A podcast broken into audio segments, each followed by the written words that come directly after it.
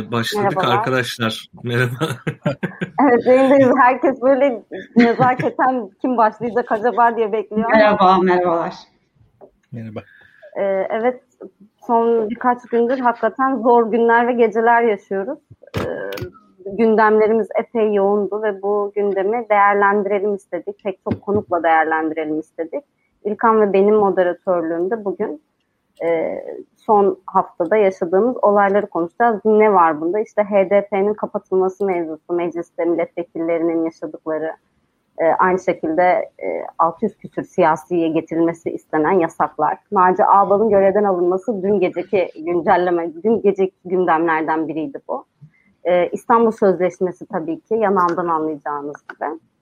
E, İstanbul Sözleşmesi'nden çekildik. Yine dün gece saat 2 civarında bir Cumhurbaşkanlığı tarafından yayınlanan bir kararla e, ve tabii ki e, milletvekili Ömer Gergerlioğlu'yla e, da işte e, onun hak savunuculuğu, aynı şekilde e, yaşatılanlar kendisine ve paylaşımı sebebiyle de yaşadıklarını konuşacağız. E, evet, öncelikle İlkan buradan sonrasını sana devredeyim. Sen konuşmaya niyetin yok galiba, bakışıyoruz. Yo yo yo. Ee, tabii ki konuşmaya niyetim var. Ee, Türkiye hızlı hareketli günler geçiriyor. Bu hızlı hareketli günlerin e, birkaç anlamı var. Birincisi bu hadiselerin tek tek bakıldığı zaman bu hadiselerin anlamları ki bunları konuklarımızla konuşacağız. Yani Merkez Bankası'nın görevden Bankası Başkanı görevden alınması anlamı nedir? HDP'nin kapatılma davası açılmasının anlamı nedir? Meclisteki e, Ömer Faruk Gergerlioğlu gibi milletvekilinin mesela HDP'li ama aslında İslami kökenden gelen hatta Türk kökenli bir milletvekilinin görevden alınmasının e, milletvekilinin düşürülmesinin anlamı nedir? E, atıyorum Gezi Parkı'nın e, mülkiyetini İBB'den bir anda e, bir vakfa devredilmesinin anlamı nedir? E, tek tek bunların hepsini konuşacağız. Ama e, bir yandan da şu var bunların hepsinin de bu tek tek ve tabii ki İstanbul Sözleşmesi'nden çıkılmasının anlamı nedir? Tek tek bunları konuşacağız ama bütün bunların tek tek oldukları gibi tek tek anlamları olduğu gibi de total anlamları var. Yani e, birebir e, Türkiye'de kadınların durumu üzerinden iktidarla kadınlar arasındaki ilişkiler üzerinden tartışacağız, konuşacağız. Atıyorum Türkiye'deki ekonominin hali, ekonominin e, kişiselleşmesi, belki de ekonominin e, e, ekonomi politikalarını konuşacağız. E, atıyorum yerel yönetimleri belki konuşacağız bu süreçte.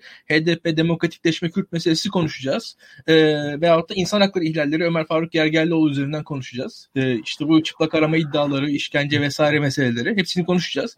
Ama bütün bunların hepsinin e, anlattığı da başka bir şey var. Total bir şey var. Yani Türkiye'deki yönetimin halini gösteriyor bütün bunlar. Yani e, nasıl keyfi, nasıl şahsi, nasıl bireysel, nasıl tek e, adam sistemi. Bir de hatta şöyle bir şey var. istikrarsız bir tek adam sistemi olduğunu gösteriyor. Yani e, en basitinden söyleyelim. E, bu tek adam sistemi Türkiye'de vaat ettiği şeyler vardı. Yani vaat ettiği bir özgürlük vaat etmiyordu ama en azından bir istikrar vaat ediyordu. Yani baktığınız zaman sonuçta bir istikrar olur. Tek adam sizin bir istikrarlı bir şey olur. Ortada o istikrar da yok. Yani e, biz cidden bir kaotik bir tek adam sistemi yaşıyoruz. Bir defa onun da ben adını koymak istiyorum bu yayının başında. Yani tamam hani bir otoriter bir rejim yaşıyoruz. Doğru. onu onu kabullendik artık. Ekonomi de çok iyi değil. Onu da kabullendik. Ama bir, bir de kaotik bir şeyler yaşıyoruz. Yani ne oldu da belli değil. Yarın hani şu an mesela Twitter'da birileri şey yazıyor. Naci Ağbal ekonomi bakanı olabilir mi? Ya, bence olamaz. Yani böyle bir şey imkanı yok. Hani siyaseten mantık olarak hani aklı başındaysa artık olamaz yani falan diyor. Ama ya bir yandan da diyorsunuz ki ya abi yüzde yüz olamaz mı? Ya hani on binde bir bir, bir tane bir, bir dünya denk gelir. Belli yıldızlar arka arkaya dizilir. Olur yani o da olur. Ha, olmaz ya ben size söyleyeyim. Ama ama şu var. Bu kadar her olmayacak şeyin de konuşulduğu bir şey bir, bir bağlamda yaşıyoruz. Biz e, Enes'le ve Özge ile yayınlar yaptık açıkçası. Ekonomiyi konuştuk ve ekonomide doğru yapılan şeylerin hepsine de doğru dediler. Ama açıkçası ben dahil herkesin dediği şey şuydu. Bu e, son 3-4 aylık süreçte ya doğru yapılıyor da acaba bu sürdürülür mü? En azından o doğru dediklerimiz şeyler. Hani bunlar yani hatta şöyle bir şey var. Hepimiz de şunları eleştirdik. Yani bu hükümete henüz kredi vermek için erken olabilir acaba. Çok da acele etmeyin. Biraz bir görelim dedik. E, bugün de bunları yaşıyoruz diye düşünüyorum. E, isterseniz e, tabii yayının başında herkesten rica edelim. E, biz birçok konukla yapacağız bu programı. Bu program biraz uzun sürecek. E, sırayla herkes kendi yorumunu, kendi kendi görüşünü, kendi bakışını iletebilecek diye umuyorum. E, yayınımız uzun. Herkesi toplayalım. Herkes gelsin. Beraberce bir güzel akşam geçirelim. Enes, e, açıkçası bu gece ilk sözü Özge'ye verelim diye düşünüyorum ben.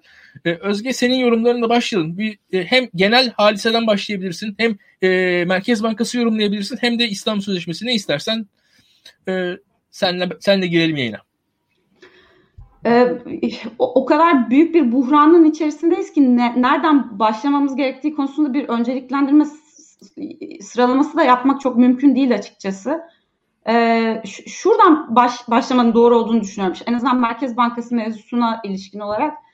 Ee, Catch 22 diye bir konsept var. Birçoğunuzun da e, aşina olduğu Joseph Heller'in kitabından. Galiba Türkçe'ye madde 22 diye e, çevrildi bu kavram.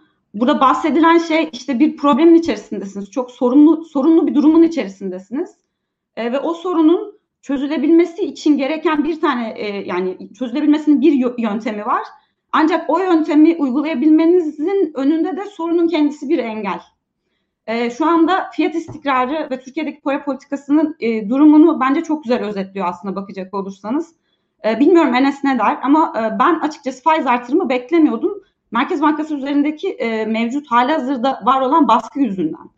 E, zaten çok e, mutlu olmadıklarını mevcut e, faiz oranlarından e, biliyorduk e, iktidarın. Bir de bunun üzerine e, tabii sürekli bir e, politik türbülans var. E, sürekli tansiyon artıyor. E, bu fiyat istikrarını ciddi anlamda tehdide sokan bir durum. E, e, haliyle e, o fiyat istikrarını sağlamlaştırabilmek için ya da en azından olabildiği kadar muhafaza edebilmek için bir faiz artırımına gidildi ve e, çok geçmeden hemen arkasından işte ABA görevden alındı. E, e, yani fiyat istikrarını neden sağlayamıyoruz sorusunun cevabını burada 3 saat 5 saat tartışabiliriz. Ama temelde e, Türkiye'deki politik türbülansın bunun sebebi olduğunu biliyoruz. Ve e, Türk lirasında yani kurla alakalı yaşanan sıkıntılar genellikle e, beklenmeyen demeçler, parti kapatma davaları, kayyumlar, sözleşmelerden çekilme, e, e, işte sözleşmelerin e, uluslararası insan hakları ile alakalı sözleşmelerin fesihleri vesaire gibi durumlardan çok etkilendiği için fiyat istikrarının kendisi. Merkez Bankası da mevcut bir tane görevi var zaten. O da fiyat istikrarını sağlayabilmek. Bunun için gereken hamleyi attı aslına bakacak olursanız. Tabii ki de yüzde 19'lar kimsenin e, istediği bir faiz oranı değil. Ama bunun neye cevaben yani hangi problemi çözmek için atılması gereken bir adım olduğunu anlamazsanız e, sanki e, faizi e, artırmadığınızda ya da faizi artıranı görevden lav ettiğiniz zaman e, bu problemi de çözebilecekmişsiniz gibi bir tablo ortaya çıkıyor. Şimdi olayın mekaniğine de çok girmemize gerek yok aslında bakacak olursanız. E, çok ufak e, e, okumalarla kurdaki değişimi 24 saat içerisinde görmek mümkün oldu. E, bununla alakalı ol yani bununla alakalı değilmiş gibi gözüken ama aslında e, çok da ilintili olan işte İstanbul Sözleşmesi'nin fesli mevzusu. E, daha çok değil yani dün öğleden sonra e, Avrupa Komisyonu Başkanı Ursula von der Leyen e, Twitter'da Avrupa Komisyonu ve Avrupa Birliği Konseyi'nin ortak bir basın açıklamasında diyor ki Erdoğan ile işte bir takım görüşmeler yapıldı. E, bu görüşmelerde e, e, mütabakata varılan bazı konulardan bahsediyor. E, ve iki konu üzerine e, dikkat çekiyor. Bunlardan ilki Doğu Akdeniz'deki gerilimi düşürmek. Kıbrıs mevzusuna e, orada vurgu yapıyor. Bir diğer konuda Türkiye'deki Suriyeli sığınmacılar ve bölgenin genel aslında durumuyla alakalı atılması gereken hamlelerle alakalı. E, orada da işte Suriye ve Libya mevzusuna e, dikkat çekiyor ve e, bu böyle işte o bir takım görüşmeler yapılmış, bir takım mutabak, e, bir takım e, ortaklıklara varılmış. E, bunların neticesinde de Avrupa Birliği ve Türkiye arasındaki ilişkiler daha pozitif bir yöne doğru evrilecek gibi falan böyle bir e, e, söylem var. Hatta şey diye bitirmişler basın açıklamasını. Mart ayında yapılacak olan e, Avrupa Konsey toplantısından sonra Türkiye'ye bir ziyaret yapılabileceğine ilişkin. E, aradan işte 24 saat geçiyor. Avrupa Birliği'nin e, başı çektiği, içinde e, Avrupa Birliği üyelerinden de e, fazla, toplamda 45 ülkenin aslında altına imza attığı, çok akla yatkın, çok gerekli İstanbul Sözleşmesi gibi bir insan hakları e, sözleşmesini feshediyor. Yani şimdi e, bu bunun karşısında mesela Avrupa Birliği'nin takınacağı tutumu gerçekten merak ediyorum. Bir taraftan e, böyle çok e, güzel bir şekilde şekerlenen, e, çiçeklendirilerek falan anlatılan Avrupa Birliği ile Türkiye arasındaki ilişkilerin evrileceği yöne dair e, bir takım beyanlar var. E, bu neyin pazarlığı? Bu pazarlığın neticesinde acaba bir e, bunu sessizlik mi izleyecek mesela? Yani İstanbul Sözleşmesi'nin ne olduğunu hatırlamamız lazım. İstanbul Sözleşmesi sadece Türkiye ile alakalı bir hadise değil. Birçok kişi İstanbul Sözleşmesi'nin niteliğine de çok hakim değil belki. E, bu e, sadece Türkiye'yi bağlayan e, bir sözleşme değil. E, yasal e, gereklilikleri olan dediğim gibi 45 ülke ve Avrupa Birliği tarafından e, imzalanmış. Bu imzacı ülkelerin de 34'ünde onaylanmış bir e, insan hakları sözleşmesinden bahsediyoruz. Bir diğer niteliği de şu ki her ne kadar kadına yönelik şiddet konusu ön planda olsa da aslında bütün hane halkıyla alakalı e, bir sözleşme. Burada aslında çocuklara, çocuk istismarı, çocuk şiddeti vesaire gibi konulara da değiniliyor. Ya şimdi siz bu sözleşmeyi feshederek e, belki işte kendi seçmeninizin ortalamasının gönlünü hoş tutmak e, niyetindesiniz. E, eyvallah ama bunun da e, kendi içinde yine iktisadi bir takım neticeleri olacaktır diye düşünüyorum ben. Yani bizim için toplumsal neticelerinden farklı olarak bunun üzerine de yine bu bahsettiğimiz e, iktisadi e, e, türbülansa da e, gaz atan bir hareket. Onun için anlamak kesinlikle mümkün değil. Aslında iktisadi yönlerini biraz açabiliriz Özge sanırım. Toplumsal e, boyutuna geçmeden önce e, nasıl etkileri olur mesela bu durumun? Ya parti kapatmadan e, yapılan hukuksuzlara, yap, yapılan hukuksuzluklara e, bu tip e, uluslararası e, ciddi anlamda yasal ba, e, ba, bağımlı, ba, yasal neticeleri olan sözleşmelerden e, çıkmaya kadar aslında atılan her adımın iktisadi bir karşılığı var. Yani siz para politikanızı e, dünyadan bağımsız ya da kendi iç politikanızdan bağımsız bir şekilde inşa edemezsiniz. Öyle değil mi? Sizin ülke içerisinde yaşadığınız her türbülansın, o türbülansın e, e, o tansiyonun e, yükseldiği yerin aslında e, mevcut iktisadi durumunuza bir etkisi var. Çünkü siz sürekli bir güvensizlik artışına sebebiyet veriyorsunuz. E şimdi e, kurla alakalı e, e, durum e, ya da fiyat istikrarsızlığıyla alakalı durumu eğer kontrol altına almak istiyorsanız en başta e, politik e, iklimi stabil hale getirmeniz lazım. Bunu yapamadığınız zaman Merkez Bankası sadece e, fiyatla alakalı değişikliklere karşı e, reaksiyonlar vermekle mükellef hatta bundan daha fazlasını yapma şansı da olmayan bir kurum. Yani faiz artışı orada keyfi bir faiz artışı değil haliyle. E, kurla alakalı bir güvensizlik olduğu zaman Türk lirası devalüe etmeye devam ettiği sürece Merkez Bankası bununla alakalı bir takım hamlelerde bulunmak zorunda. Eğer bağımsız bir Merkez Bankasıysa e işte bulunduğu zaman da e, ortaya çıkan şey bu. Şimdi Enes e, bir yandan vaka sayıları artıyor. Yani bir yandan pandemi hatta üçüncü dalga başladığı söyleniyor. Bazıları başladı başlama tartışılıyor. Bilmiyorum ben onu. Ee, sağlık çalışanları söyler bizi doğrusunu. Ee, bir yandan da şu var insanlar e, bunlar yaşanıyor. Türkiye'nin hali ben siyaseten yorumluyorum. İşte Özge yapısal olarak anlatıyor. Ya, peki yarın ne olacak? Bize bunu da anlatmanı istedim. Ya yarın ne olacak? Hakikaten şöyle bir resim var şimdi önümüzde. Ee, yani 24 saat açık olan piyasalar olsa da e, bir şekilde bazı piyasalar aslında piyasaların büyük çok çoğunluğu kapalıydı. Zaten şöyle bir şey de vardı. E, doların 7.80-7.90 bandına yine kısa bir süre içerisinde ulaşması öngörülüyordu. Yani teknik analiz yöntemleriyle baktığınızda öyle öngörülüyor ama Türkiye tabii o teknik analiz yöntemlerini, dirençleri, destekleri sürekli kırıp kırıp atan bir ülke. Yani bu güvensizlik, istikrarsızlık, öngörülemezlik sürekli aslında yaptığınız analizi güncellemenize vesaire neden olan bir şey. Ee, büyük ihtimal biraz yani dolarda sıçrama göreceğiz ama asıl beklemek zorunda olduğumuz şey para politikası kurulu toplantısı acil bir toplantı yapılacak mı pazartesi günü ya da çarşamba günü Erdoğan'ın e, açıklamaları olacaktı. Çok da şey aslında alay bala ile duyurdu açıklama yapacağını. Çarşamba günü önemli açıklamalar yapacağım dedi. Ondan sonraya mı kalacak?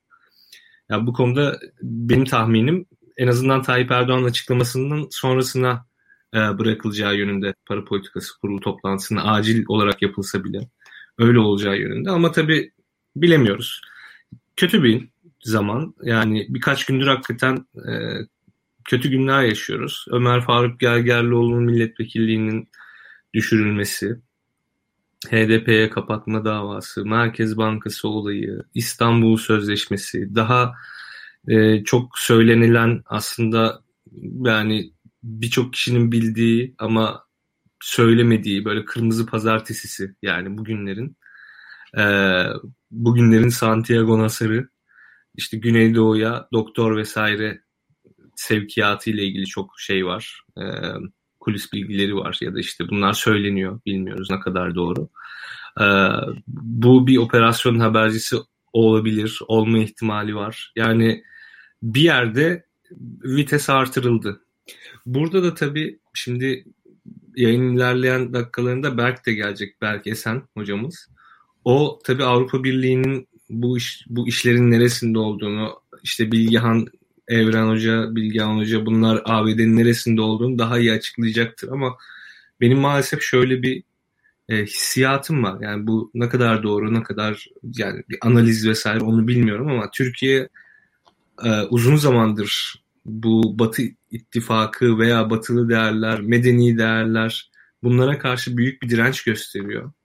E, anladığım kadarıyla artık e, Türkiye'de işte Lübnan gibi, Mısır gibi, Azerbaycan gibi görece işbirliği içinde olunması gereken e, işte Çin'in gücünü, Rusya'nın gücünü belli noktalarda e, sıkıntıya soksun diye işte kimi kredi kolaylıkları, kimi silah ticareti vesaire noktasında kolaylıklar gösterilecek bir ülke seviyesine doğru düşüyor. Normalde hani Avrupa Birliği'ne hadi üye olamıyorduk da herkes diyordu ki tamam Avrupa Birliği'ne üye olamaz Türkiye'de stratejik ortaktır falan filan diyordu. O o noktalardan çok uzaklaşmışız gibi geliyor bana ve e, bu şu sonucu doğurur.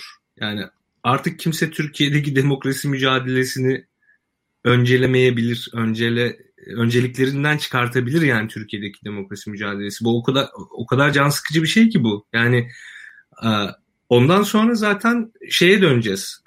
Hani ekonomide zaten beklentiler nasıl yönetilir, öngörülebilirlik nasıl sağlanır derseniz bunun illa demokratik yollarla vesaire falan filan olmasına gerek yok. İşte Çin'de de demokrasi yok ama öngörülebilir bir şey var. Kur sistemi öngörülebilir. Enflasyonu, işsizliği, bilmem nesi, şunu bunu her şeyi öngörülebilir. Hani çünkü oranın normali o. İşte biz de böyle bir yeni normale doğru mu gidiyoruz? Endişesi bende çok hakim. Ya bu bu endişe beni hakikaten çok yordu aslında e, bayağıdır. E, yani onun için bu ben şeyden çekiniyorum artık yani ekonomi tahmini falan filan yapmaktan. Çünkü bizim tahminlerimiz bu paradigma değişimini içermiyor. Yani bizim en nihayetinde yaptığımız şey e, bir siyasi analiz aslında. Yani politik ekonomi üzerine bir şey yapıyoruz. Burada konuştuğumuz çoğu şey politik ekonomiye ilişkin e, makroekonomik etkilere ilişkin ya da işte yapısal sorunlara ilişkin. Bunların hepsi siyasi şeyler ve aslında bizim içinde bulunduğumuz paradigma değişiyor olabilir. Eğer bu değişiyorsa çok büyük sıkıntı. Yani her şeyi sil baştan yapacağız. Ve zaten e, bunun değişiyor olduğunu da açık açık işte bunu zaten böyle değiştireceklerini de söylüyorlar. İktidar destekçileri veya iktidar kanadı. Hani siz ne yaparsanız yapın e, bunlar geliyor diyorlar. Şimdi ben hani bir ümitsizlik aşılamak için söylemiyorum ama zor günler geliyor yani. Onun için söylüyorum. Hani ekonomik anlamda da öyle. Yani tamam bu paradigma değişiyor olabilir ama paradigma dediğiniz şey bir günde değişmez işte. 20 yıldır ufak ufak ufak ufak değişiyor bir yerden sonra hızlanan bir biçimde ama bir günde değişmiyor. Onun için biz çok türbülans yaşarız yani eğer böyle giderse. Yani bu dalgalanmaları çok yaşarız. Yani en ufak e, ben medeniyete doğru en ufak bir adım çok büyük yorumlanıp işte birden her şey düzelecekmiş gibi piyasaya bir beklenti salabilir. Geri çekiliş gene çok büyük bir çöküş yaratabilir. Yani siz bir yolda gitmiyorsanız bu her hareketiniz aslında çok büyük dalgalanmalara sebep olacak. İşte o dalgalanmalar beni biraz korkutuyor. Ee, yoksa hani ya kur şöyle olur, böyle olur vesaire. Ya onlar çok şey değil, önemli değil. O paradigma değişmezse zaten Türkiye'nin aşağı yukarı bir trendi var yani. O trendin içinde bir şekilde oynar kıpırışır devam eder. Ama o kadar kötü bir noktaya doğru gidiyor ki biz doğru dürüst e, yani ne sanayileşme ne işte verimlilik ne tasarruf problemi ne şu ne bu hiçbirini çözemeden neredeyse şeye geçeceğiz. Hani tekrardan yani gelişmekte olan ülkelerin alt sınıflarına doğru gideceğiz. AK Parti iktidara geldiğinde Türkiye G20'de 17. sırada. Yani dünyanın en büyük 17. ekonomisiydi. Şu an 19. Yani birkaç sene sonra G20'den düşebiliriz biz. Yani G20'nin dışına çıkabiliriz. Şimdi bu çok kötü bir şey yani aslında. G20 dediğiniz çünkü çok önemli bir kurum aslında oradaki 20 ülke. Hani G7 var. Tamam G7'ye belki hiçbir zaman giremeyeceğiz ama G20 yani dünyanın en büyük 20 ekonomisinden biri olmak hani dünyada çok önemli bir şey yani. Ekonomik kurumlarla ilgili söz hakkınız olabiliyor. Çok yüksek düzeyde istişare mekanizmalarına dahil olabiliyorsunuz. Aslında sizi dünyaya bağlayan bir şey. Bakalım ne olacak İlkan. Ben de açıkçası biraz şey yani hani e, böyle çok da öngöremiyorum. Ama tabii, tabii. şeyi biliyorum. E işte şunu hep söylüyorduk zaten. Erdoğan'ın şeyi ne zaman e, sabır taşı ne zaman çatlayacak? Yani Naci Abal göreve geldiği andan itibaren söylediğimiz şey o. Erdoğan'ın sabır taşı ne zaman çatlayacak? Bu ben yani. seninle en az 5 yayın yaptım. Hepsinde bunu konuştuk açıkçası. Hepsinde konu buna geldi. Arada. Yani biz hep böyle bunu konuştuk. Yani Özge ile bir yayın ya da iki yayın yaptım. Onda da bunu konuştuk. Gene bu. yani açıkçası İlkan, e, Enes Enes'in o işte orta vade e, ve uzun vadede bahsettiği bu paradigma e, değişimini çok iyi anlıyorum ama mesela kısa vadede ben ha, hakikaten kur meselesinin aslında e, alt metninin çok doğru bir şekilde okunması gerektiğini düşünüyorum. Siz bunu Çavuşescu'nun son bölümünde de konuştunuz Bilgehan sen de e, Enes. Şimdi şöyle bir gerçek var. E, artık e, mevcut iktidar sürekli kan kaybettiği için e, bir yerden bu güce tutunmaya çalışıyor. Kendi güruhunu memnun etmeye çalışıyor. Burada şunu çok doğru okumamız lazım. Kendi güruhuna rant sağlayabileceği alanlar nereler? Hangi iktisadi faaliyetler üzerinden kendi güruhunun gönlünü hoş tutabilir? E, buna baktığınız zaman aslında fiyat istikrarsızlığı e, çok da onların canını sıkacak bir durum değil. Yani şu anda aslında en önemli olan şey e, kısa vadeli büyümeyi bir şekilde muhafaza edebilmek. Ama bunu belki toplumun genelinin e, zararına e, da olsa işte fiyat istikrarsızlığına sebep olacağını bilseler de yapmayı göze alabiliyorlar. Yani bütünün hayrına değil de bizim hayrımıza biz nasıl bir iktisadi politika izleyebiliriz diye düşünülüyor bence şu anda. İşte doğru, doğru. turizm sezonunun yaklaşması e, vesairenin buna çok büyük bir etkisi var. E, çok ciddi anlamda bir emlak e, lobisi var, inşaat lobisi var Türkiye'de bildiğiniz gibi. E, orası da çok ahbap çavuş ilişkileri üzerinden il, il, ilerleyen bir alan. E, bütün bütün bu rant kapılarının yani kendi insanıma ben nasıl rant sağlayabilirim diye düşündüğü zaman mevcut güce sahip olan e, oradaki o iktisadi faaliyetler için yararlı olacak iktisadi politikayı seçebilir ve o iktisadi politika ülkenin bütünü için faydalı olmayabilir. İşte tam olarak bence biz şu an bunu görüyoruz. Bunu biraz daha açar mısın? Bu hakikaten önemli bir şey. Farklı yani, bir şey söylüyor. Şimdi kastettiğim şey şu. E, Türk lirasının e, başka kurlar karşısında değer kaybetmesi Türkiye için çok facia bir şey. Öyle değil mi? Zaten hali hazırda insanlar inanılmaz derecede fakirleşmiş durumda. Millet evine ekmek götüremiyor. işsizlik vesaire. E, ancak e, kurla alakalı bir düşüş belli başlı sektörler için aslında çok da ideal bir netice olabilir. Bu sektörler hangi sektörler diye baktığınızda bunların aslında çok ciddi anlamda rant kapısı olduğunu görebilirsiniz. Yani bunlar toplumun geneli için çok büyük faydalar yaratan e, sektörler olmayabilir, olabilir. Ancak oralarda köşeleri kimin tuttuğu önemli. E, böyle bir kur düşüşünden kısa vadede en azından kimin faydalanacağı sorusu önemli. Yani bizim yaptığımız çok basit iktisat e, one on one yani böyle en basit iktisadi analizi bu insanlar anlamıyor, bilmiyor değiller. Sadece hı hı. fiyat istikrarı onlar için öncelikli olan konu değil. Kısa vadeli büyüme, büyümenin de hangi alanlarda gerçekleşeceği, hangi sektörlerde gerçekleşeceği. Yani tek şu anda kendi güruhunu mutlu tutabilmesi, gönlünü hoş tutabilmesi için gereken şey en azından hani bu kadar e, tansiyonun yüksek olduğu bir ortamda onlar için e, mevcut olan rant kapısını kapatmamak. En azından orayı muhafaza edebilmek. Ben en azından böyle düşünüyorum. Yani bu onlar için çok istenen bir netice. Yani şu anda aslında Türk lirasının kısa vadede devalüe olması çok da e, can sıkıcı bir konu değil onlar için. Anlatabiliyor yani, muyum? Yani ben böyle düşünüyorum. Bilmiyorum. Yani ben açıkçası bayağı katıldığım için özellikle bir daha sordum. Ee, çünkü e, belli ki şöyle bir şey var. Mesela acı reçete bir defa Tayyip Erdoğan bu kelimeyi kullandı ve ondan sonra bir defa başka kullanmadı. Çünkü acı reçete uygulanması gerekiyordu. Bir yandan hani yüksek faiz hani ben hep şey diyorum makroyu düzeltiyor ama altta da birilerini zorlaştırıyor hayatı. Yani o yani yüksek faiz de öyle tek başına kolay bir şey de değil. Onu da yani belirtmek lazım. Ee, hem altta da açabildiği kadar açacaktır. Ee, ve bir yandan sonra da bilmiyorum artık bunun adı yani siz yani daha profesyonel iktisatçılarsınız. Ve roller coaster bir ekonomiye doğru gideceğiz belki de bir belli bir seçime kadar.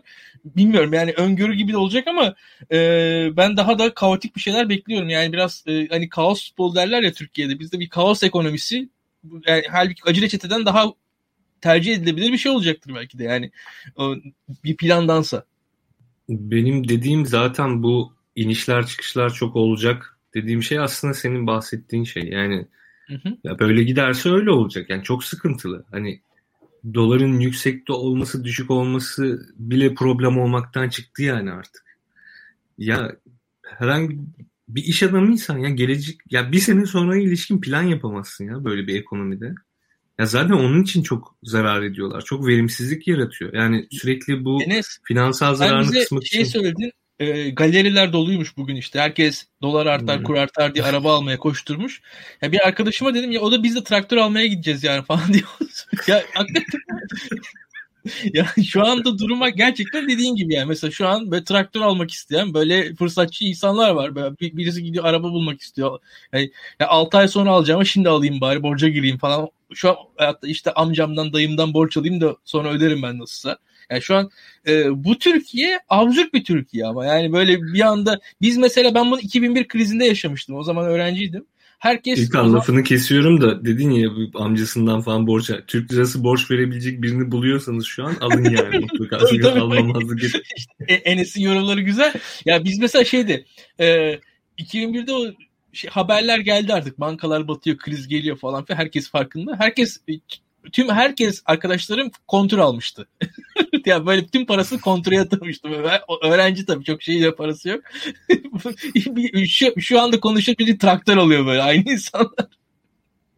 Abi felaket. Zaten son bir, yani son 72 saat dediğimiz olay var ya ona bile baktığında yani yabancı kur, yani forex şey e, dolar grafiği diyelim ona baktığında orada bile o görüyorsun o dalgalanmayı. Yani ne yapacağına karar veremezsin. Yani o kadar kötü ki. Ee, ama ben hani daha fazla yorum yapmayayım. Ben de Büşra'ya bir soru sorayım. Büşra yanağındaki e, şey çok güzel. Zaten yayının başında gösterdin. Sen bugün eylemlerdeydin. Nasıl geçti? Ne yaptınız? E, nasıl bir ortam vardı? Biraz onlardan bahset yani. Sen ara ara gir. Hani çünkü bu İstanbul Sözleşmesi'yle yani senin çok haliyle ilgili olduğunu biliyorum. Bilgili olduğun bir alan olduğunu da biliyorum. Onlardan da bahset bence.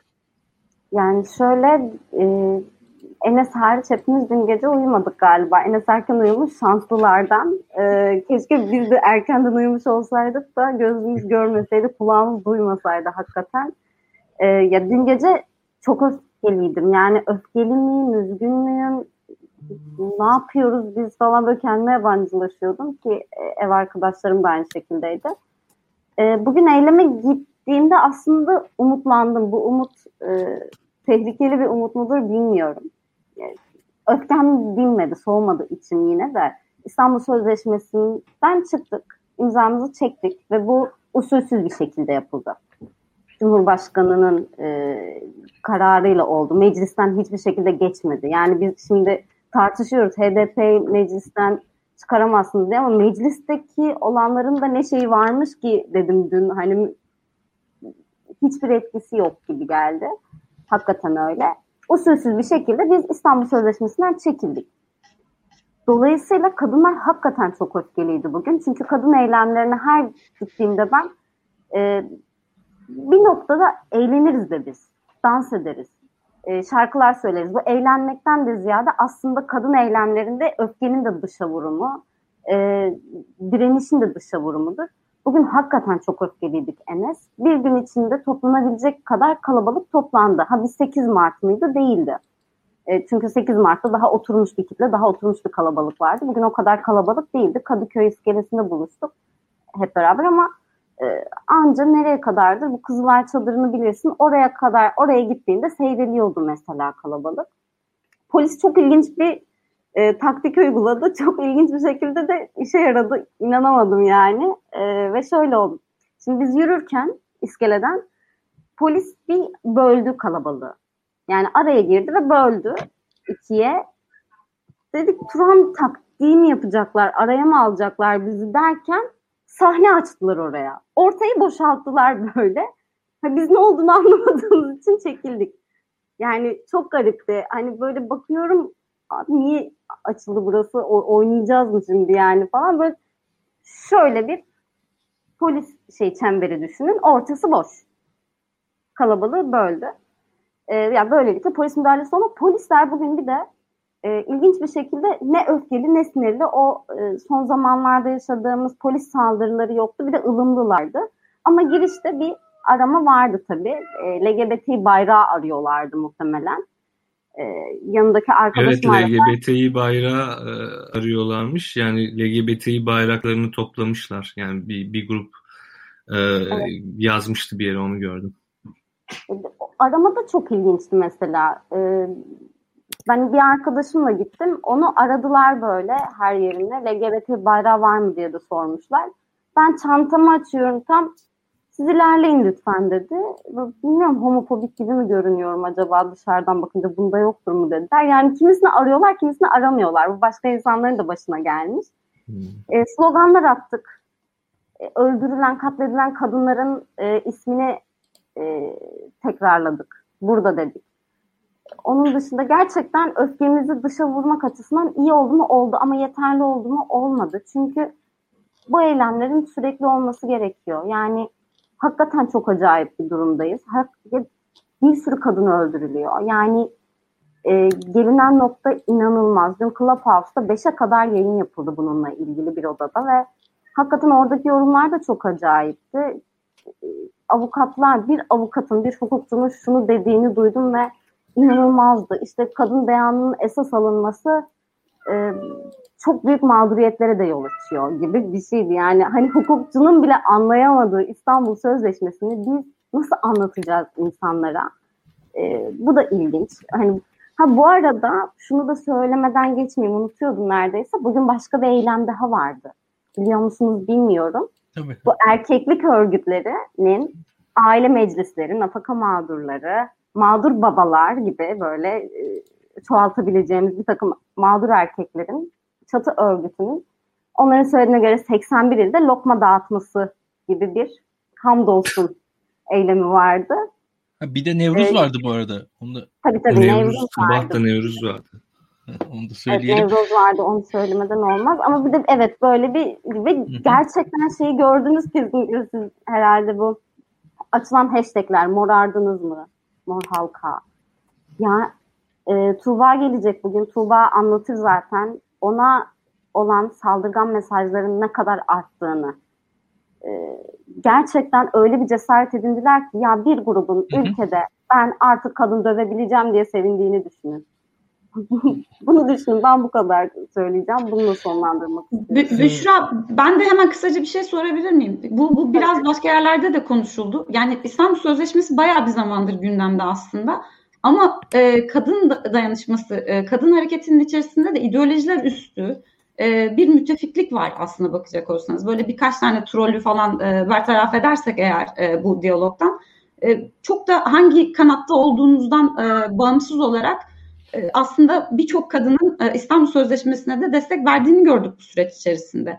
Ben bu yüzden e, kadın seçmenin e, bu kadar genelde temelde karşı çıktığı bir şeyin e, yapılamayacağını düşünüyordum. Yani bunu sadece aslında e, bir ateşe sürülüp geri çekilen bir gündem maddesi olarak kalacağını düşünüyordum. Sen bekliyor muydun böyle bir fesih?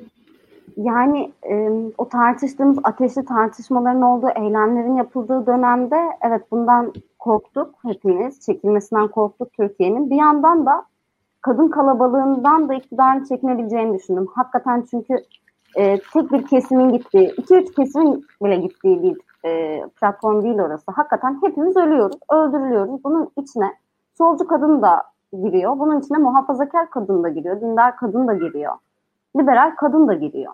Dolayısıyla e, bu bir yaşam alanını tutma. O eylemlerin amacı da orada bulunma sebebi de insanların o. Ve e, senin de dediğin gibi oradaki farklılıklar kadınların gözüne batmıyor. Yani e, dindar kadınların gözüne aslında e, LGBT bayrakları batmıyor. Bu dindar erkeklerin gözüne batıyor. E, ama zaten tartışmalar şuydu ki Özge tarikatların baskı uyguladığı yönündeydi. Yani bundan dolayı olabilir mi? Evet olabilir belki diye düşünüyordum, düşünüyorduk e, bu şekilde aynen ama e, yine de çünkü bu nafaka mağdurları falan filan bu kadar büyük bir kitleyi temsil etmiyor. Yani toplasan ne kadardır bilmiyorum ama e, AKP'nin kadın seçmeninin de ben bundan mutlu olacağını e, zannetmiyorum. Sema Maraşlı'nın takipçileri, onu takip eden belki hanımefendiler, çoğunlukla da erkekler çok mutludur bundan ama e, bence büyük bir seçmen kitlesini kaybetti ya da kaybetmeye doğru gidiyor. En azından mutlu değil kitle. Abi sesin kapalı. Yeni iki konukla daha beraberiz. Burak Bilgehan Özbek ve Evren Çelik biz seyle tekrar e, karşınızdayız. E, diğer konuklarımız yayında isterlerse devam ederler, istemezlerse ayrılabilirler bundan sonra. Bugün çünkü çok fazla insanın sözünü açıkçası almak istiyoruz. E, bu konunun e, harareti, konuların çeşitliliği açısından ne kadar fazla söz o kadar fazla e, en azından ses, e, fazla insan, fazla kesimi de temsil etmeye çalışacağız elimizden geldiğince. E, Evren Hocam sizle başlayalım. E, bu ee, son... Başlamadan önce İlkan e, ben çok teşekkür ederim. E, gerçekten güzel oldu, keyifli oldu sohbet. Ben yavaş yavaş ayrılayım. E, malum işte biz Bilgehan'la şey başımızın tatlı belaları var. gidelim gideyim onu yatırayım. Bilgehan uyuttu herhalde kafası rahat. E, ben yavaş yavaş çıkayım. Sizleri de gördüğüme çok sevindim. E, daha keyifli zamanlarda yine bir araya geliriz umarım. Hoşçakalın. Hoşçakalın. Ben de e, müsaadenizi istiyorum ve yavaş yavaş e, çekiliyorum. Ama ta- izlemeye devam ediyorum tabii ki. Teşekkürler. Sağ olun. Teşekkür ederiz. Hoşçakalın.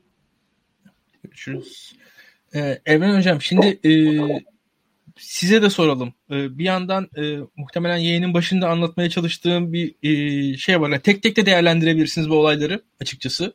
Yani işte HDP'nin kapatılması, İstanbul Sözleşmesi, işte bir ucundan e, Merkez Bankası Başkanı'nın görevden alınması, 4 ay alt, yani daha 6 ay bile geçmemişken arka arkaya Merkez Bankası başkanlarının görevden alınıyor oluşu Hatta belki bunu Berat Albayrak'ın etkisinin azalması, tekrar artması üzerinden değerlendirebiliriz. Böyle tek tek birçok konudan bahsedebiliriz. Ee, ne olacağına dair, Türkiye'nin geleceğine dair sorular, sorunlar çok fazla önümüzde. Siz isterseniz genel olarak yorumlayabilirsiniz bu olanları. İsterseniz tek tek e, hadiselere dair sizin sözlerinizi biz merak ediyoruz. Yani arzu ederseniz yani tabii iktisadi e, açıdan e, durum çok inanılmaz derecede vahim. E, fakat yani bu kadınlara yönelik e, konuya biraz e, e, ağırlık vermek istiyorum. Şimdi sadece ve sadece Covid süresine e, baktığımız zaman kadınlarla ilgili neler gündeme geldi mesela? Çok büyük bir af oldu. Hatırlarsınız hapishaneler boşaldı değil mi? E, beyefendilerden bir tanesi e, böyle silahlı külahlı e, mafyoz bir beyefendi ısrarla yıllardır bu afın peşinde koşuyordu.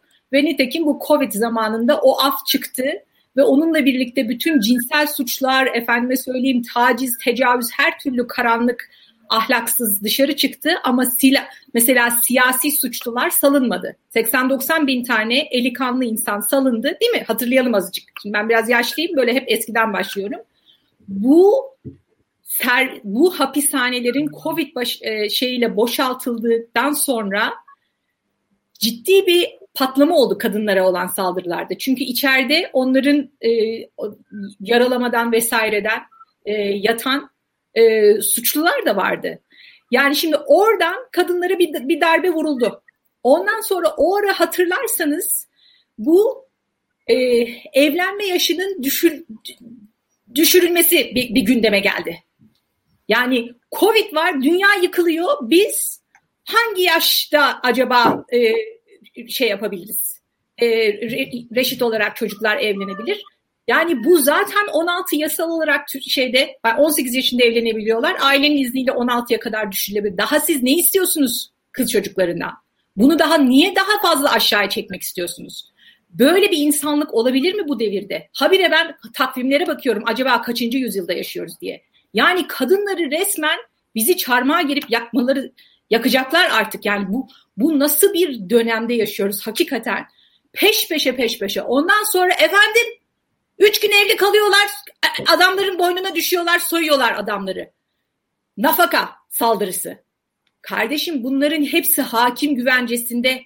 Ha, bir kere nafakanın erkek tarafından verilmesi şart değil ki. Hı hı. Orada diyor ki çiftlerin arasında bakıma muhtaç olan varsa, diğerinin durumu iyi ise böyle bir fakirlik nafakası bunun ortalaması Türkiye'de 400 lira mı 600 lira mı ne böyle bir para için bunun için saldırıya geçildi kadınlara karşı. Sanki biz oturduğumuz yerden efendim kimi bugün üç gün eğlensek de e, ömür boyu nafakaya bağlasak diye oturuyoruz. Ya böyle böyle bir terbiyesizlik olamaz. Böyle bir ahlaksızlık olamaz. Şimdi bunlar böyle peş peşe peş peşe biz böyle oturduk Covid'de acaba başka nereden nasıl bir saldırı gelecek diye. Yani hakikaten ben utanç içindeyim, üzüntü içindeyim. Ama onun dışında bir de böyle insan gibi etrafımda gördüğüm insan gibi eşime dostuma da ayrıca bir yapışıyorum ki ulan böyle bir zamanda affedersiniz yani böyle hakikaten çok akşamdan beri sinirlerim bozuldu. Ya hakikaten düzgün insanlar var, düzgün erkekler var. Ya biz nasıl güzel bir milletiz, nasıl iyi insanlarımız var. Yani benim mesela birlikte çalıştığım üstlerim yani şizofren olduk. Bir anda çok iyi eşimiz, dostumuz, ahbabımız böyle yani tırnağımız, ayağımız taşa değse önce onlar of diyen erkekler var etrafımızda. Bir taraftan da böyle nafaka bir taraftan efendime söyleyeyim hırsızı arsızı salmaya çalışan bir taraftan 12-13 yaşında kızlarla evlenmeye çalışan sapık pedofil. Evet pedofil bunlar yani bakın döktüm istatistikleri genç yaşta evlenenlerin kahir ekseriyeti yüzde doksandan fazlası çocuk Türkiye'de bu sayılar var hepimizin elinde. Bunları açalım yani paylaşalım. Şimdi daha siz neyi istiyorsunuz? 16 yaşın altındaki kız çocuğunu niye siz namusuna düştünüz? Böyle yani bu şunu söylemeye çalışıyorum. Yani bu dalga geliyordu. Bu dalga geliyordu böyle peş peşe peş peşe beş peşe yani Covid bilmem ne kanun her şey birbirine gitmiş. İstanbul Sözleşmesi'ndeki haklar bizim evrensel insan haklarımız. Hakkı sen vermiyorsun ki sen alacaksın. Yani her türlü hukuki norma her şeye karşı bir şey bu yapılan şey. Böyle bir hakkın yok sen onu bana lütfeden ben insan olduğum için bu haklar bizim. Bana birisi lütfetmedi ki o hakları. Yıllar yılı böyle bir kanun silsilesinden geçerek en son biz de medeni bir şekilde görüştük, e, tartışıldı ve bu büyük bir utançtır. Bu Türkiye için büyük bir utançtır. Yani adı İstanbul olan bir uluslararası anlaşmadan sizin böyle hiçbir hukuki norma uymayan bir şekilde e, kestirip atmanız bu zaten yok hükmünde. Yani hukukçular bunu zaten söylüyorlar bas bas. Ama ben hem bir vatandaş hem bir vatanperver ben hani zul hepimize zul. Kadınlar için ayrı bir zul artı yani herkes için çok büyük bir zul. Ama dediğim gibi yani bu böyle bir şey gibi dağdan geliyordu yani bu, bu, bu şeyler. Yani yapılan aflar, aflardan çıkan e, erkeklerin kadınları patır patır hemen çıkar çıkmaz daha hapisten kesip doğramaya başlaması, her gün yaşanan ölümler, efendime söyleyeyim nafaka tartışmaları, sürekli kadınları böyle hedefe koyma. Kardeşim siz bu, sizin göreviniz, kamu otoritesinin görevi her vatandaşını korumak. Eşit, kanun önünde eşitlik bir insan hakkı. Bunu sen vermiyorsun bana. Bunu ben insanım diye bu var. E, şu, hakikaten o kadar üzgünüm ki yani o kadar olur. E, çok büyük yani hepimizin alnında bu bu karar hepimizin alnında koca bir kara leke olarak kalacak. Susayım ben bu kadar. E, ben size bir şey sorabilirim yine Evren Hanım. Ee, Estağfurullah buyurun. Yani aslında şey ek yapmak istiyorum. Sorudan ziyade biraz önce bahsettiğiniz aile kurumunun kutsanması zaten e, Fahrettin Altun da aynı şeyi söyledi röportajında dün. Henüz İstanbul Sözleşmesi'nden çıkacağımız bile belli değilken, tırnak içinde sadece biz bilmiyorken e, güçlü aile, yok güçlü kadın, güçlü aile, güçlü Türkiye gibi bir söylemi var. Aile kurumu zaten kutsanıyor. Zaten İstanbul Sözleşmesi aileyi yıkan kanun olarak, sözleşme olarak biliniyor ve bunun üzerinden saldırılar vardı. Bir yandan da şu çok çelişkili değil mi? Nafaka mevzusunda iki gün evli kaldık diye, üç kere yaptım diye ben kadına niye ömür boyu bakıyorum ya? Hayır bu çok ikiyüzlü değil mi? Aile kurumunu kutsayıp ondan sonra da aile kurumunu üç kere e, yaptığın kadın ya da işte birlikte olduğun kadın olarak tanımlamak. E, bununla ilgili ne düşünüyorsunuz? Çünkü böyle aynı adamlar söylüyor bunu. Aynı e, adamlardan duyuyoruz e, bu ifadeleri. Yani bunların işine öyle gelince öyle söylüyor, böyle gelince böyle söylüyor. Şimdi aile kurumu kutsalsa orada nafakada e, şey şu yani hukukun mantığı şu. Eğer bireylerden bir tanesi maddi olarak e, hiçbir şekilde kendisini sürdürecek durumda değilse ki bakın Türkiye'de gene e, e, iktisada geliyoruz. Yani her dört kadından bir tanesi çalışıyor zaten. Evlilerde çalışma oranı daha düşük. Evet. Şimdi siz bunlar affedersiniz ağaç kabuğu mu yesin, taş mı yesin bu kadın? Değil mi? Ve zaten bunu karar vermek yani nafakanın miktarına karar vermek hakimin elinde olan bir şey. Keza aynı zihniyet efendime söyleyeyim kadının beyanı esas. Kadının beyanı dava açmak için esas. Ondan sonra kanıt, savcı her şeyi toplayıp ispat etmen lazım.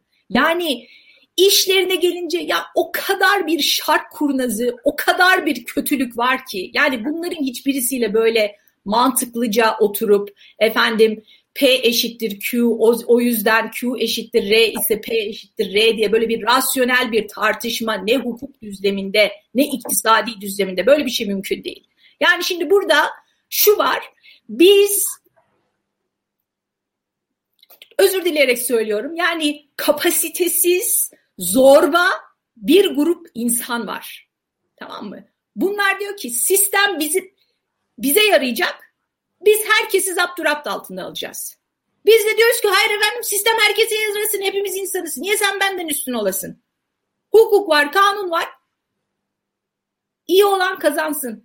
Şimdi böyle yapılmadığı için yani bir grup insan daha şeffaf, daha adil, daha meritokratik, daha hakkaniyetli bir toplum peşinde koşuyor. Öbür grupta hayır efendim. Sopa ben de Süleyman benim hepinizin kafanızı kıracağım diyor. Şimdi sopa bende zihniyetiyle biz böyle kibar kibar konuşmaya çalışıyoruz. Ama efendim şimdi böyle mantık hataları yapıyorsunuz. Hem öyle diyorsunuz hem böyle diyorsunuz. Yani zaten o nafakaya karşı olan adam zaten kadına el kaldıran adamla aynı. Hani zaten zorba. Zorba. Yani burada biz cebirle hayatını sürdürmeye çalışan bir grup ilkel insanla uzlaşmaya çalışıyoruz, yola gitmeye çalışıyoruz. Çünkü aynı ülkede yaşıyoruz. Yani o o cebirci zihniyet, o çocuğunu da o dövüyor, karısını da o dövüyor. Saygı duymuyor, hürmet etmiyor. Eşitliği kabul edemiyor. Çünkü kapasitesiz. Kesinlikle. Ancak cebirle, ancak cebirle üste çıkacağını zannediyor. Evet. E, bu arada ben e, son dakika yani şu an önüme düştüğü için belki daha önce siz de görmüşsünüzdür. AKP Genel Başkan Yardımcısı Fatma Betül Sayankaya ne kadar uzun değil mi ismi? E, şey açıklama yapmış Ankara Sözleşmesi'ni hazırlıyoruz diye. Bunu da ekleyeyim. Bunu Ay. yorum yaparız e, diye düşünüyorum. Tabii tabii. tabii. Kopenhag kriterlerinden de Ankara kriterlerine geçtik. Nasıl göğe erdik değil mi? Tabii şahlandık. Ee, oy, oy, yani oy, yerli ve milli olacak diye düşünüyorum. İlkan senin varsa sorun sorularını alalım. Ben Büşra sana sorayım ben. E, açıkçası alanda mesela e, şu an benim aklıma bu İstanbul Sözleşmesi konuşulduğu zaman İstanbul Sözleşmesi ile beraber belki bu işte hani o erkek hakları falan dedin ya ben o, o iki grubu hep beraber algıladım açıkçası. Yani e, ve bazıları daha seküler tipler olmasına rağmen hatta çok da dalga geçmiştim. Ödeyin nafakanızı falan diye vesaire o tarz şeyler. Çünkü e, şöyle bir durum vardı. Yani ideolojik olarak esasında garip bir örtüşme de yaşanıyor burada. E, bir e, eğer İstanbul Sözleşmesi'nden çıkılıyorsa bunun devamı ne olur diye düşününce bir nafakalı rejimin değiştirilmesi, iki evlilik yaşı işte Evren Çelik e, hocanın bahsettiği şey e, evlilik yaşının düşürülmesi, evlilik yaşı konusunda nispeten esneme sağlanması. Üç, boşanmalarda e, giderek işte arabulucu, arabulucu o tarz şeyler vardı. E, giderek boşanmaların zorlaştırılması gibi ve benim aklıma ne olabilir diye sorulduğu zaman bunlar olabilir gibi geliyor. Siz orada e, kadınlar arasında bunları konuşuyor musunuz? Sizin fikriniz nedir? Oradaki hava var mı hani tartışma içerisinde? Sen daha iyi biliyorsundur. E, ya İlkan hepimiz bunlardan tabii ki korkuyoruz. Şu an en azından dün gece için Evren Hanım da tartışmalara hakimdir. E, 6284 sayılı kanunla bizim içimizi rahatlatmaya çalışıyorlar. Ama bu daha duruyor ama bu daha var falan diye.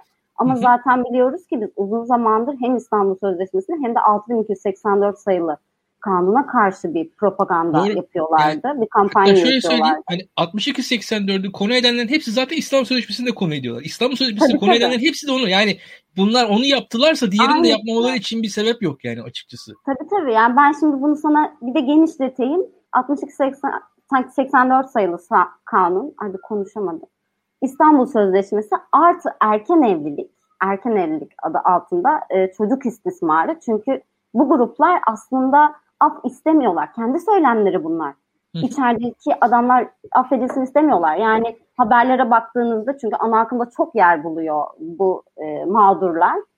E, işte biz ailemizin reisi gitti hapiste de bilmem de evet mağdur olan vardır ama istismardır bu. Ama bu gruplar demiyor affedilsin. Biz bunun kanunlaşmasını istiyoruz. Erken evliliğin kanunlaşmasını istiyoruz. Hakikaten Evren Hanım'ın dediği gibi bunlar bunu söylemekten utanmıyorlar. 14-15 yaşındaki kızlarla evlenmek istiyorlar. E, bu desteklenir mi? Desteklenebilir. Neden desteklenebilir? Şöyle bir şey var. 14-15-16 yaşında evlenen e, bir kızın eğitimi ne kadar tamamlanmış olabilir? Ekonomik özgürlüğü ne kadar olabilir? Bilinci ne kadar gelişmiş olabilir? Ne kadar boşanmayı isteyebilir? Ne kadar kar şiddete karşı durabilir? Ve bir de böyle bir ortamda büyümüş. Sabret. Bir işte e, bir şey deme kocana sahip çık. Yok işte kocana sabret. Dayağı sabret. Çocuklara bak. Pantolonları ütüle donları yıka. Böyle bir evlilik. Dolayısıyla Ve, yarın bir gün adam boşanmak istediğinde de tabii tabii buyurun. Kusura bakmayın. 14 yaşında bir çocuğun biyolojik olarak daha vücudu çocuk.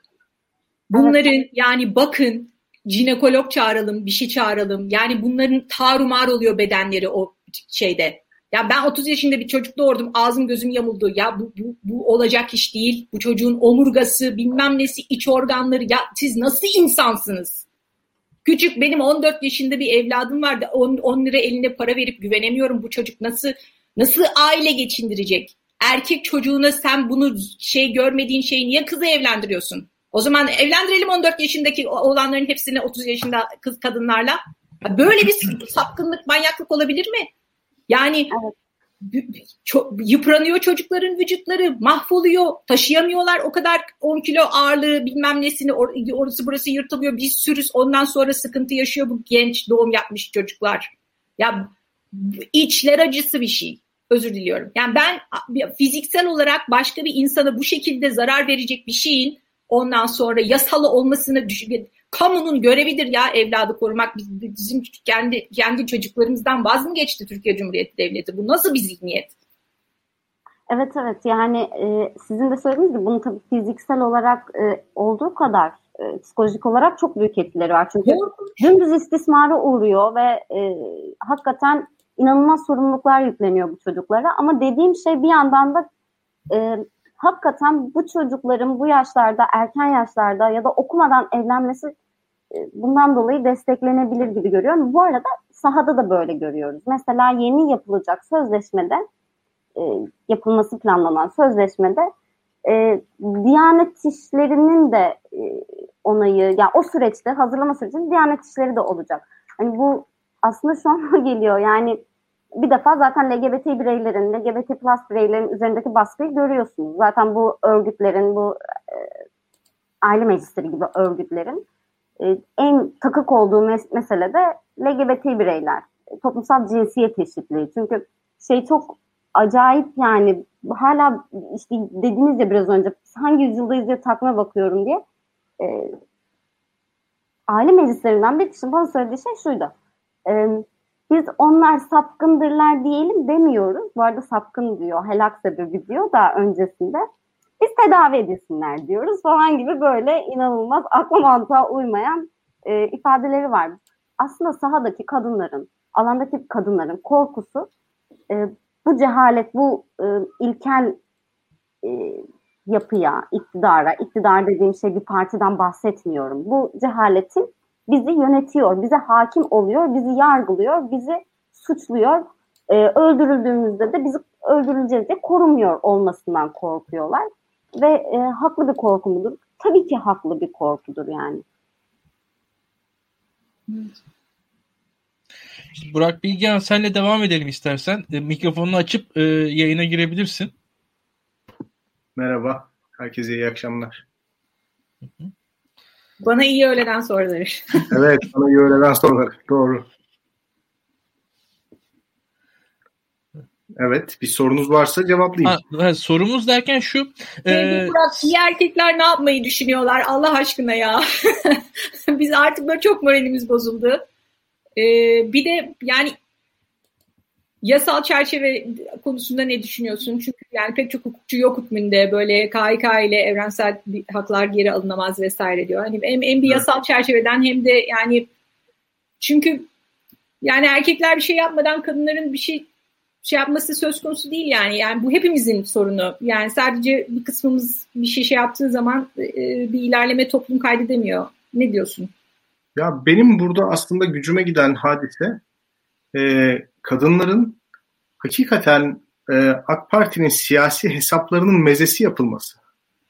Yani toplumun sanki böyle bir sorunu varmış gibi ya da bu sorun bizim kolektif iyiliğimize kastediyormuş gibi bir hava estiriliyor. Fakat çok küçük aslında marjinal bir toplum kesiminin çok yüksek sesle dile getirdiği bir talepti bu. Ee, bu e, Kasmudde'nin Foreign Affairs'te yazdığı bir makale var. Popülistler diyor sessiz çoğunluğun sesi değildir aslında. Azgın, sesi çok çıkan insanların sesidir. Bu doğru bir şey aslında. Azgın ee, Evet. Ee, yani evet sessiz çoğunluk değil azgın azınlık. Ee, yani tam olarak bunu gördük. Ve burada İstanbul Sözleşmesi'nin içeriği, yeni sözleşmenin nasıl olacağı falan herhalde Sayın Cumhurbaşkanı'nın son düşündüğü şey. O sadece bu meselenin toplumda tartışılması, algılanışı ve bazı toplum kesimleri tarafından yorumlanışıyla daha çok alakalı. Maalesef kendi siyasi hesaplarına bunu meze yaptı. Çok üzülüyorum böyle şeyler olunca. Yani üzerinde bir dakika bile durulup düşünüldüğünü tahmin etmiyorum. Herhangi bir amacı yok. Yani ulus adına ya da kolektif çıkar adına, kolektif iyilik adına amacı olan bir adım değil bu. Onu söylemek gerekiyor.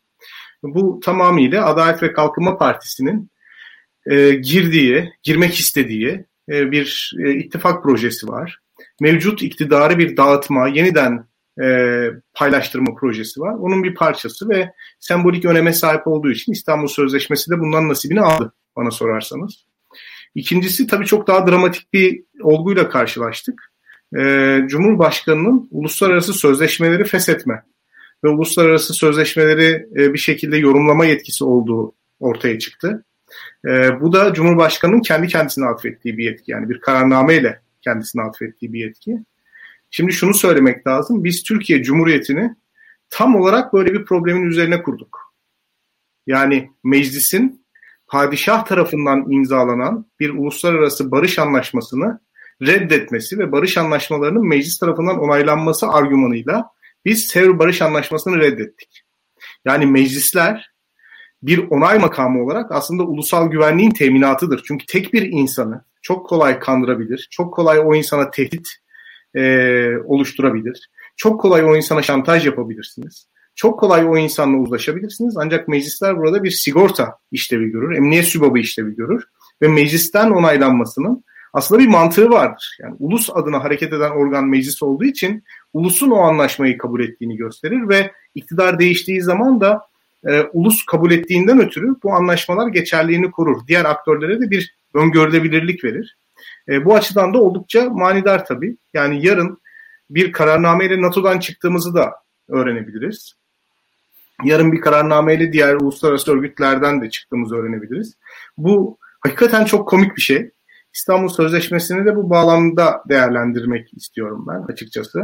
Ve şunu unutmamak lazım. Bugün Türkiye'de milliyetçi olduğunu söyleyenler, devletin bekasını savunduğunu söyleyenler, millet adına, millet iyiliği için, millet menfaati için hareket etmeyen kişilerdir. Devletin bekasını da en çok tehlikeye atan kişilerdir. Onların asıl motivasyonları milletin bekası veya devletin bekası değil, kendi kısa vadeli dar siyasi çıkarlarıdır. Açık konuşmak gerekirse. Bu sadece İstanbul Sözleşmesi için değil, geçtiğimiz hafta yaşanan bütün olaylar için geçerli. Bunun böyle olduğunu düşünüyorum. Türkiye'de herhangi bir şeyi barış çağrısı savunan herkes onun sahibi olduğunu, çok bağırdığı için de herkesi o belirli bir ahlaki zaviyeden yargılama hakkının kendisinde olduğunu düşünüyor. Yani bağırarak milliyetçilik yaptığınız zaman herkesi vatan haini ilan edebiliyorsunuz. Bağırarak Kemalistlik yaptığınız zaman herkese Atatürk düşmanı ilan edebiliyorsunuz. Bağırarak işte dindar olduğunuzu söylediğiniz zaman herkesi kefere ilan edebiliyorsunuz. Yani böyle bir bağırma kültürü var Türkiye'de. Halbuki bu bağıranların genel itibariyle hepsi savundukları kavramlara en çok zarar veren kişiler. Şu andaki iktidar bloğunun bağırarak savunduğu milliyetçilik ve devletçilik kavramları da hakikaten bu insanların elinde can çekişiyor. Devlet kurumsallığını biraz önce Evren Hocam sizin bahsettiğiniz hani kanunun kamu tarafından herkese eşit olarak uygulanma yükümlülüğü mesela bu dönemde askıya alındı. Son derece keyfi bir idare var. Ve modern siyaset biliminin hiçbir tanımına göre biz şu andaki idareye devlet diyemeyiz bana sorarsanız. Yani modern devletle özdeşleştirilebilir bir tarafı kalmadı. Ee, ben böyle yorumluyorum bu konuyu. Ee, diğer konularda hani HDP'nin kapatılması veya Gergerlioğlu meselesinde de e, sorular olursa cevaplayabilirim.